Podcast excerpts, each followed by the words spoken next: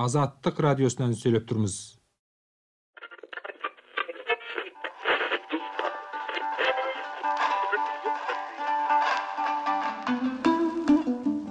азаттык радиосунан сүйлөп турмуз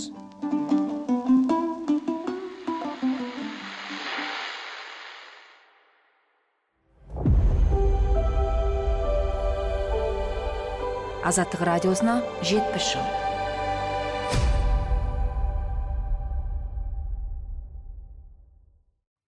армысыздар совет одағында қазақтар ресейге өз еркімен қосылған деп оқытып келді ғой. Азаттық сол жылдары ақ мұның жалған екенін айтып үздіксіз хабарлар сериясын шығарғанын білесіз бе? Совет одағында таратуға тыйым салынған азаттықтың эфирінде отарлау ресей қол астына түсу батырлардың қарсылығы сияқты сөз тіркестері жиі айтылған мұны қазақтар қорқа отырып жасырын тыңдаған. Бұл деректерді азаттық қайдан алды?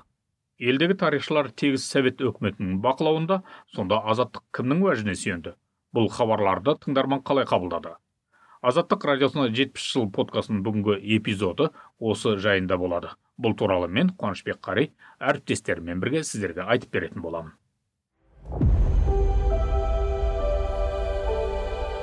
Азаттык радиосуна жетимиш жыл.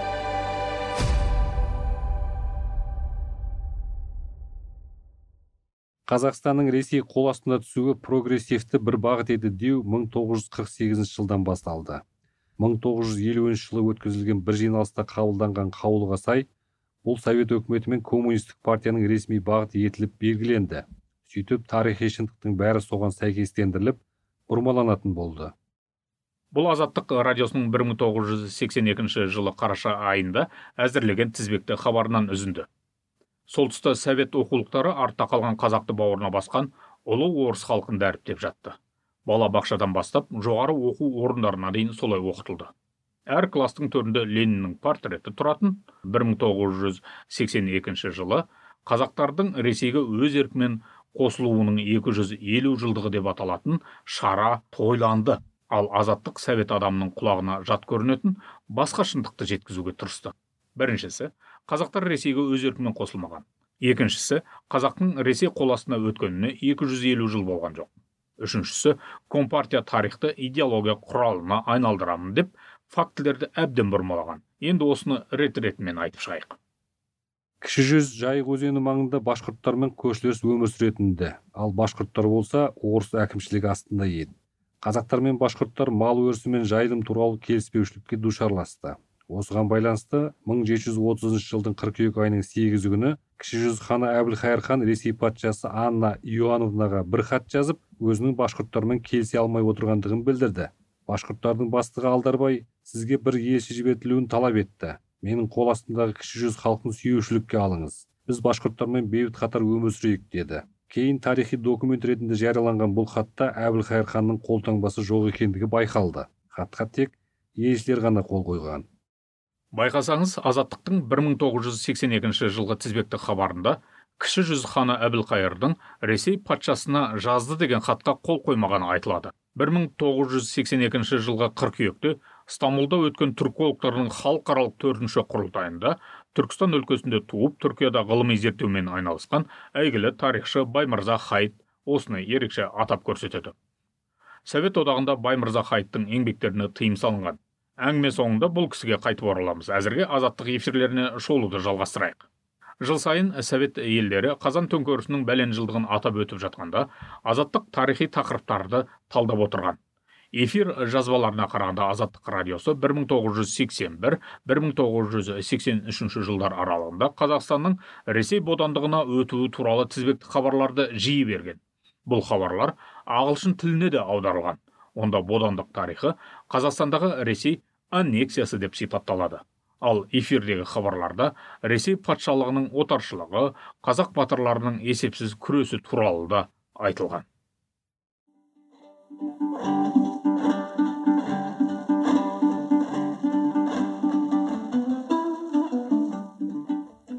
Азаттык радиосунан сүйлөп турмуз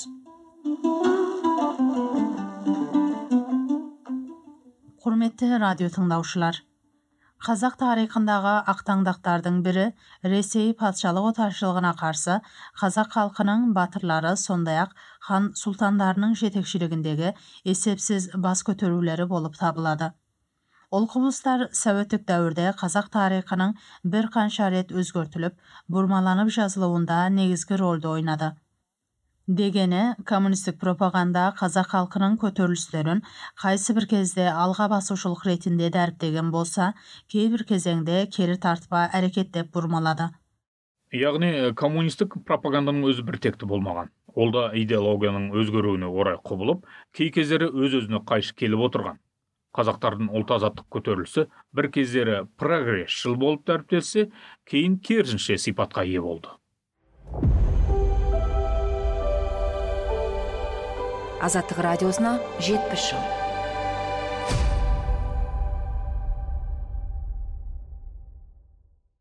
Қазақ отарланды немесе аннексияланды дегенді азаттық қай дерекке сүйеніп айтты? Ең алдымен совет одағының өзінде 1950 жылдарға дейін жарық көрген әдебиеттерге сілтеді. Тарихты коммунистік тұрғыда жазу сол кезде толық қолға алынған сыңайлы. 1937 жылы басылған большая советская энциклопедияның 30 томы 591 бетінде қазақтардың ресейге өз еркімен қосылғандығы жайындағы әңгіме қозғау шовинистер ойлап тапқан барып тұрған өтірік деуде жеткілікті сияқты. Мұны 1935 жылы қазақстанда басылған қазақ тарихы деген еңбегінде қазақ ғалымы профессор санжар асфендиярұлы да қостағанды ол тарихи шындықтар мемлекеттік шовинистер ойлап тапқан қазақтар ресейге өз еркімен қосылды дейтіннің мүлдем өтірік екендігін дәлелдеп отыр дегенді. Қазақстан компартиясы орталық комитеті 1981 жылғы желтоқсандағы жиналысында 10 тармақтан тұратын қаулы қабылдайды. Онда 1982 жылы қазақ сср ресей қол астына түсуінің 250 жылдығы салтанатты түрде атап өтілсін деген шешім шығарады. Елде мерейтойға дайындық басталады азаттық осы оқиғаға да бірнеше хабарын арнайды. Бұл хабарда 250 жыл дегеннің тарихи фактілермен дәлелденбегені туралы көп айтылады. Ондағы бір аргумент орысшадан басқа дерек көздерде 18 ғасырдың басында бодандыққа өту туралы мәлімет жоқ. 1969 жылы жарияланған бір еңбекте қонысбаевтың да атап көрсеткеніндей дәл қазіргі таңда қазақстанның осыдан 250 жыл бұрын ресейге өз еркімен қосылғандығын байқатарлық түрік араб парсы және қытай тілінде немесе батыс еуропа тілдерінде ешқандай документ жоқ. Шығыстық елдер тілінде материалдар жоқ болғаны үшін тек орыс тіліндегі материалдардан анықтауға мәжбүр болып отырмыз. Азаттық жүгінген дереккөз шетелдік ғалымдардың еңбектері соның ішінде түркістан тарихы оның отарлануы жайлы еңбектер. Бұл ретте тілшілер совет одағының өз ішінде болып жатқан ғылыми конференцияларды да бақылап онда тарихи фактіден гөрі идеологиялық екпін басым екеніне мән береді. Қазақтың отарлану тарихын зерттеген сондай ғалымдардың бірі әлгінде айтылған баймырза хайып өзбекстанның наманган уәлаятынан шығып екінші дүниежүзілік соғыс кезінде совет армиясы құрамында болып неміс тұтқынына түскен оның тағдыры өте қызық. Кейін ол германияда білім алып алашорда үкіметі туралы докторлық диссертация жазады. Гарвардта түркияның белді университеттерінде сабақ берген баймырза хайт түркістанның отарлану тарихы туралы түрік неміс ағылшын тілдерінде маңызды еңбектер жазып қалдырған. Әлгінде келтірілген деректер баймырза хайыптың 1982 жылы түркологтардың стамбулдағы төртінші құрылтайында жасаған баяндамасынан алынып отыр. Бұл құрылтайға 400 шамасында ғалым қатысқан. Оның 200-і шетелден барғандар. Соның ішінде қазақстаннан түркологтар шақыртылған. Азаттық радиосының хабарына қарағанда сол жиынға совет одағынан әзербайжан өзбек және татар ғалымдарынан он шақты адам қатысқан. Ал қазақстаннан шақыртылған алтай аманжолов жиынға бара алмаған. Себебі де айтылмайды. Азаттық радиосының бұл туралы хабарларының жазбаша нұсқасы астанадағы ұлттық академиялық кітапхананың сирек қорындағы хасен оралтайдың жеке қорында сақталған.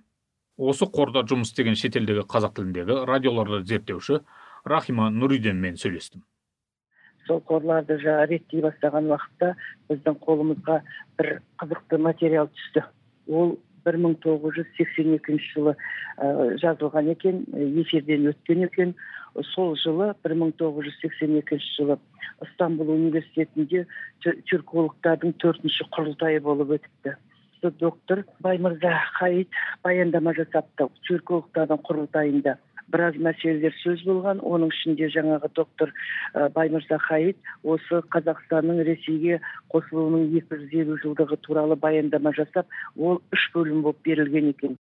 Баймырза хаид 1868 жылғы қазақтар жаңа низам деп атап кеткен реформадан кейін ғана вассалдық тәртіп бекіп қазақ жерінің ресей қарамағына өткенін айтады. Екі жүз елу жыл болған жоқ дейді. Өйткені ол қазақтар ол жаңағы ресейдің құрамына енген жоқ деп бұл теріске шығарып отыр жаңағы мәселені. Бұл жаңағы бірінші кезеңге жатады. Қайткен күнде де бұлар сол жаңағы бір мың жеті жүз отыз екінші жылдан басталды.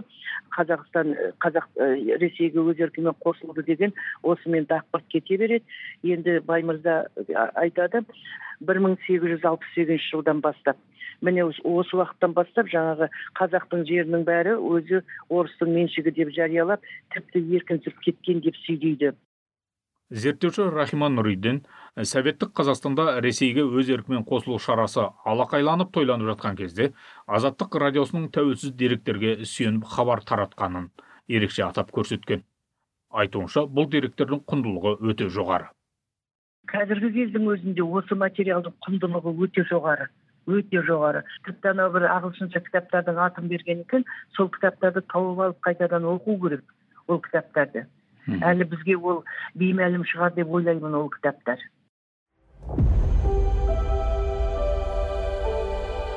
Азаттық радиосына жетпіс жыл.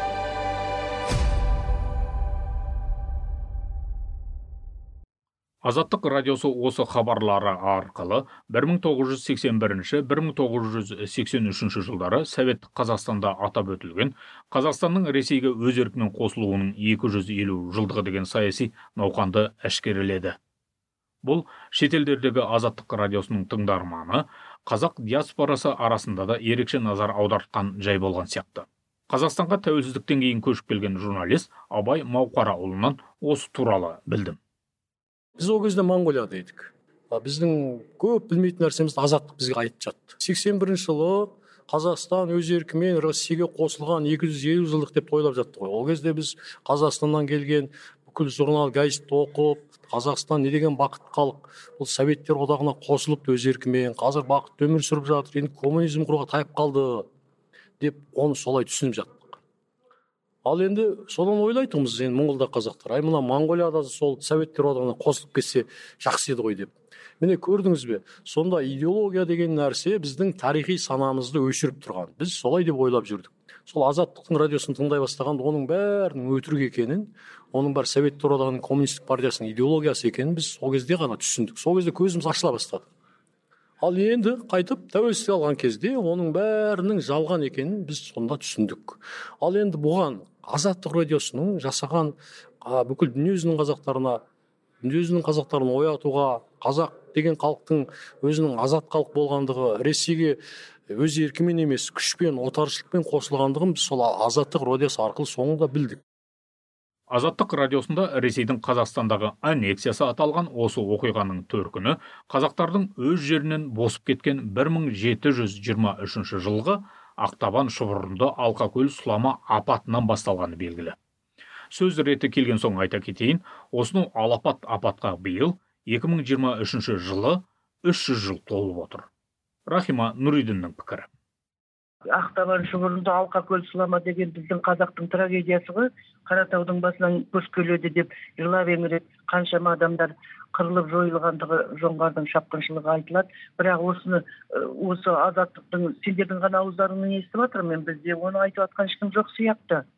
Азаттық радиосы қазақстан тәуелсіздік алғанға дейін өзінің хабарларын әйгілі елімай әнінің мақамымен бастайтын. Радиода оны музыкалық шапка дейді. Аудио подкастта да осыны пайдаланып жүрміз. Ал елімай әні ақтабан шұбырынды трагедиясында босыған халықтың әнұраны болды десек артық емес. Рахима нұридиннің айтқаны. Азаттық ол қай уақытта бізді тарихқа бастап тұрады? Бізді мынаны ұмытпаңдар деп жаңағы елім басталатын еді ғой. Қасен оралтайдың өзі де елім өткен өмір деп. Өмірден елім өтті ғой мысалы. Әр қазақ әр қазақ елім осы жерге осындай заманға жеттік қой.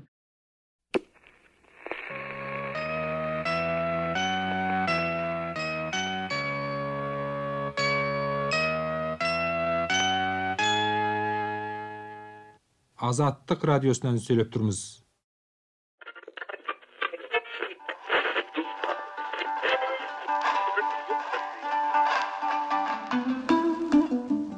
Азаттық радиосынан сөйлеп тұрмыз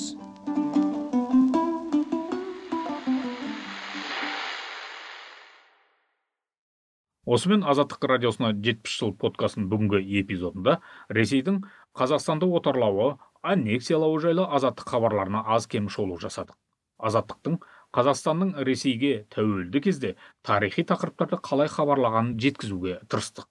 Азаттық туралы азаттықтың өзі айтады келесі эпизодта кездескенше сау аман болыңыздар